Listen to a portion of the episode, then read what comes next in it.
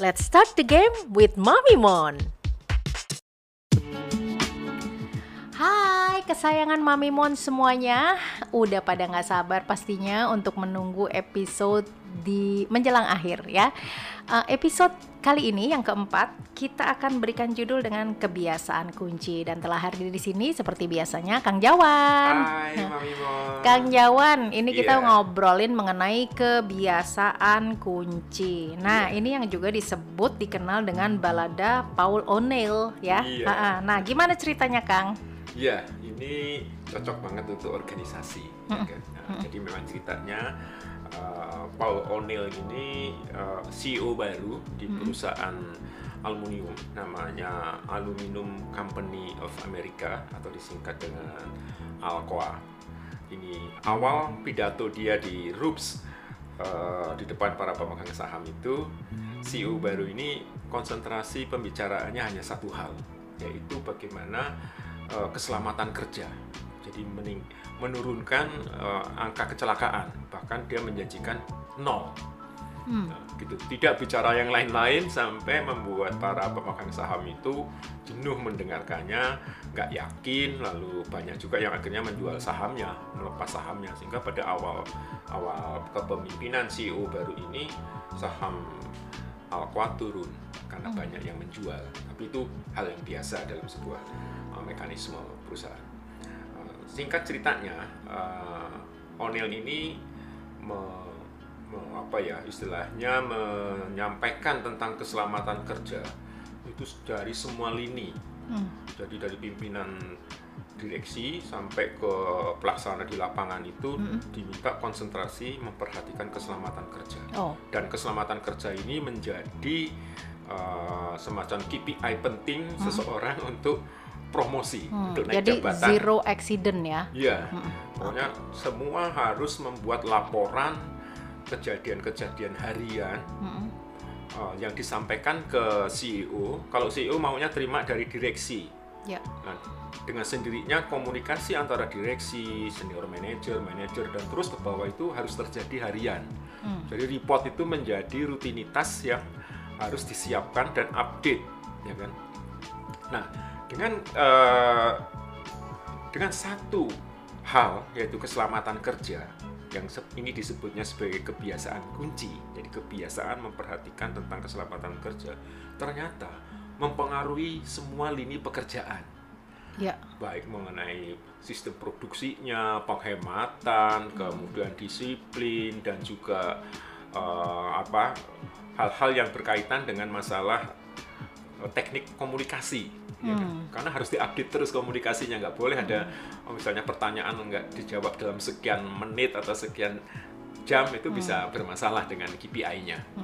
Efeknya adalah jadi produktivitasnya meningkat, biaya turun karena kecelakaan semakin berkurang bahkan sampai nol. Kemudian kualitas juga naik dan end dalam 2-3 tahun ter- eh, setelah dipimpin oleh Paul O'Neill ini perusahaan sahamnya tumbuh sampai tiga kali lipat keuntungannya besar. Bahkan si Paul O'Neill ini pada kepemimpin apa presiden George Bush ya, eh, yang terakhir yang junior ya itu diangkat menjadi menteri keuangan. Wah. jadi ini Oh.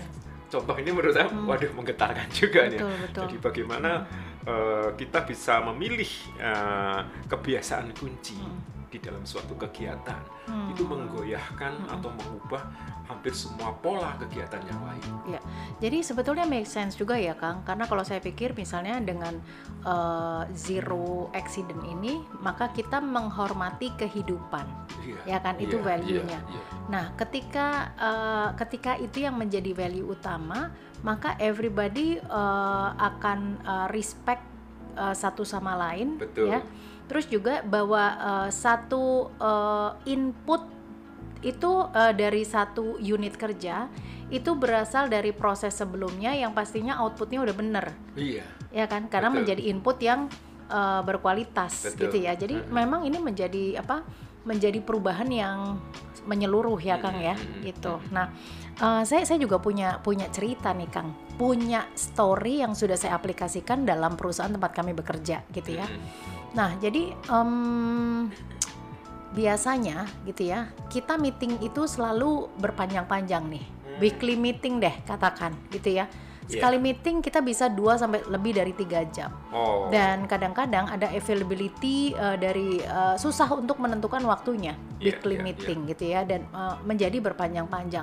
Kemudian uh, saya hadir dengan terobosan baru gitu ya. Mhm. Uh, saya katakan bahwa setiap hari kita meeting tidak lebih dari 15 menit. Oh, Nah, ini yang kita singkat sebut sebagai stand up meeting. ya. stand up meeting. Nah, di jam yang selalu reguler pada pagi hari dan Mhm. hanya 15 menit seberapapun orang yang hadir Mhm. Gitu. Nah, jadi efeknya adalah ya pastinya semua juga akan bangun pagi Mhm. ya. Terus kemudian efeknya lagi adalah kita jadi eh, mengobservasi dan respect to each other bahwa waktunya cuma 15 menit, yang disampaikan adalah pokok-pokok kunci aja. Iya, nggak Karena ngantur ya. iya. Mhm. Nah, kalau ada sesuatu yang perlu didiskusikan lebih panjang lagi, maka kita akan setup meeting untuk topik tersebut. Iya, iya. Nah, Iya. Dampaknya itu luar biasa banget kan. Hmm, ya. Iya, iya, iya. Eh, di satu sisi biasanya kalau kita meeting ya itu eh, harus pakai konsumsi karena memang lelah dan supaya dulu pemikiran kami para board ya Mhm. eh, mengatakan bahwa "Hmm, biar semangat meeting maka disediakan konsumsi kan jadi semangat lah padahal sehari itu berapa kali meeting gitu ya kan nah itu menjadi satu dalam hal pengeluaran juga ya eh, maupun juga dalam eh, konteks kesehatan nggak bagus gitu Hmm. nah eh, kita udah irit dalam hal tersebut Iya, ya iya. Terus juga bahwa kita bisa bangun menjadi lebih pagi dan mengalokasikan 15 menit hmm, nggak terlalu ini, nggak terlalu Menghargai hari waktu menghargai juga ya. waktu. Dan juga setelah terpilah seperti ini, maka ketika kita mau mengangkat satu isu tidak perlu semuanya juga hadir. Nah, biasanya kalau kita meeting yang bikin malas adalah masalahnya orang tapi kita nggak bisa keluar gitu, Iya, ya kan? iya. We have to stay there gitu. Iya. Nah, itu merupakan satu kebiasaan kunci yang, aduh, dampaknya adalah efek domino ke mana-mana, Betul. gitu betul, kan, betul. ya. Nah, eh, kalau misalnya dalam konteks pribadi, ya, Hmm. eh, terutama nih ketika di masa eh, pandemi working eh, from home, di mana kita berinteraksi lebih dekat dengan anggota keluarga, and then now memasuki kehidupan real bahwa kita jadi mengenal anggota keluarga kita masing-masing ya. Nah, eh, salah satu kebiasaan kunci yang kami bangun di sini adalah eh, apa pun, pokoknya tiga hal ini harus sering-sering diucapkan. Terima kasih, tolong, dan maaf. Oh. Nah, ketika kita mengubah hanya itu aja deh, yang kita minta hanya itu. Sering-seringlah untuk mengatakan tolong, terima kasih, dan maaf. Mhm. Nah, eh, efeknya ke mana-mana nih, Kang. Dunia aman sejahtera. Karena ketika kita mengatakan tolong kepada anggota keluarga, nah, eh, nah ini Kang, kata tolong ini mengenerate eh, suatu hubungan emosional, Hmm. ya. Jadi eh, ada di eh, ada ada cerita besarnya adalah eh, seorang eh, jaksa, ya di satu negara dia ketika keluar rumah terus kemudian ada eh, ada orang yang minta tolong kepada dia gitu ya. Eh, minta tolongnya hanya karena dia lupa membawa eh, uang eh, yang cukup untuk transport jadi nggak bawa dompet atau gimana gitu kang Mhm. Nah, kemudian ditolonglah si orang ini. Nah, ketika sampai di pengadilan bahwa ketika eh, kasus yang di- harus dihadapi itu adalah orang yang tadi dia berikan pertolongan. Oh. Dan kemudian jaksa ini mengatakan, "Oh, sorry ya, aku nggak bisa. Mungkin perlu digantikan oleh yang, orang yang lain Oke. karena ketika kita mengatakan tolong, maka sudah terbangun hubungan emosional." Iya. Nah, iya, tegas ah, ah. takutnya ya. Nah, itulah makanya ketika kita mengatakan bahwa hubungan emosional dengan anggota keluarga itu eh, mulai eh, apa? mulai eh, merenggang. Lakukan sering-sering, "Eh, "Nak, boleh Mama tolong nggak kalau nanti kamu sekalian pulang bisa tolong berikan garam apa-apa." Nah, ketika yang dimintain tolong itu ya dengan rasa eh, empati yang tinggi karena dimintain tolong gitu ya. Iya. Begitu juga ketika kita mengatakan terima kasih ya Heeh. dan kita mengatakan maaf. Kalau udah maaf kesalahan apa pun orang jadi surrender. Hmm. gitu ya. Nah hanya dengan tiga ini saja itu dampaknya ke mana-mana Kang, gitu. Dan ini benar-benar mengubah ya, mengubah tatanan yang atau value-value yang kita dapatkan dari uh, value masa lalu kita, value keluarga kita, atau value kalau bagi anak saya gitu dari yang didapatkan dari uh, pendidikannya dia, dari teman-teman dan sebagainya gitu. Nah ini yang kami katakan sebagai kebiasaan kuncinya sudah dirubah. Iya, Nah, uh, Iya. kita bisa menggunakan ini ternyata sangat powerful sekali betul. dan coba pikirkan kebiasaan kunci apa yang akan dirubah untuk diri Anda pribadi atau untuk organisasi atau perusahaan Anda Iya, gitu ya. Tapi tetap uh, patokannya Heeh. itu di dua hal tadi. Ya. Tandanya Mm-mm. jelas Ya. ini apa, Mm-mm. lalu ganjarannya apa. Ya. Jadi dalam Mm. uh, lingkar kebiasaan onil ini, Ya. uh, maka bentuk Mm. dari lingkar kebiasaannya itu tandanya itu gambar orang yang kecelakaan. Dan itu kan Mm.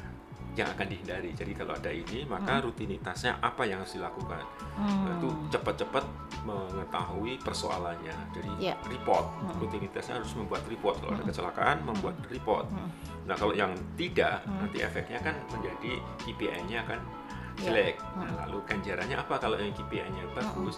Itu ya naik gaji atau promosi. Iya. kan. Mm-mm. Jadi secara mekanisme organisasi dalam punishment and reward-nya juga jalan, Mm. tapi dari sisi kemanusiaannya karena Ya. namanya kecelakaan Mhm. itu adalah uh, kepentingan pribadi yang harus dijaga, Mm. maka semua jadi tergerak. Nah, ini rasa apa kata kuncinya tuh Mm. ya menggerakkan seluruh Mm. ini dengan semua sistem yang ada di kantor ini Mm. main gitu, hidup Oke. gitu kan. Itu Yes.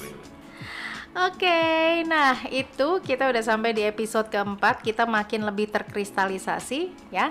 Uh, stay tune, masih di buku ini kita akan masih bahas lagi satu episode pungkasan di Iya. episode kelima. Itu dulu ya. See you di uh, episode yang terakhir. Oke, see you again. Bye bye.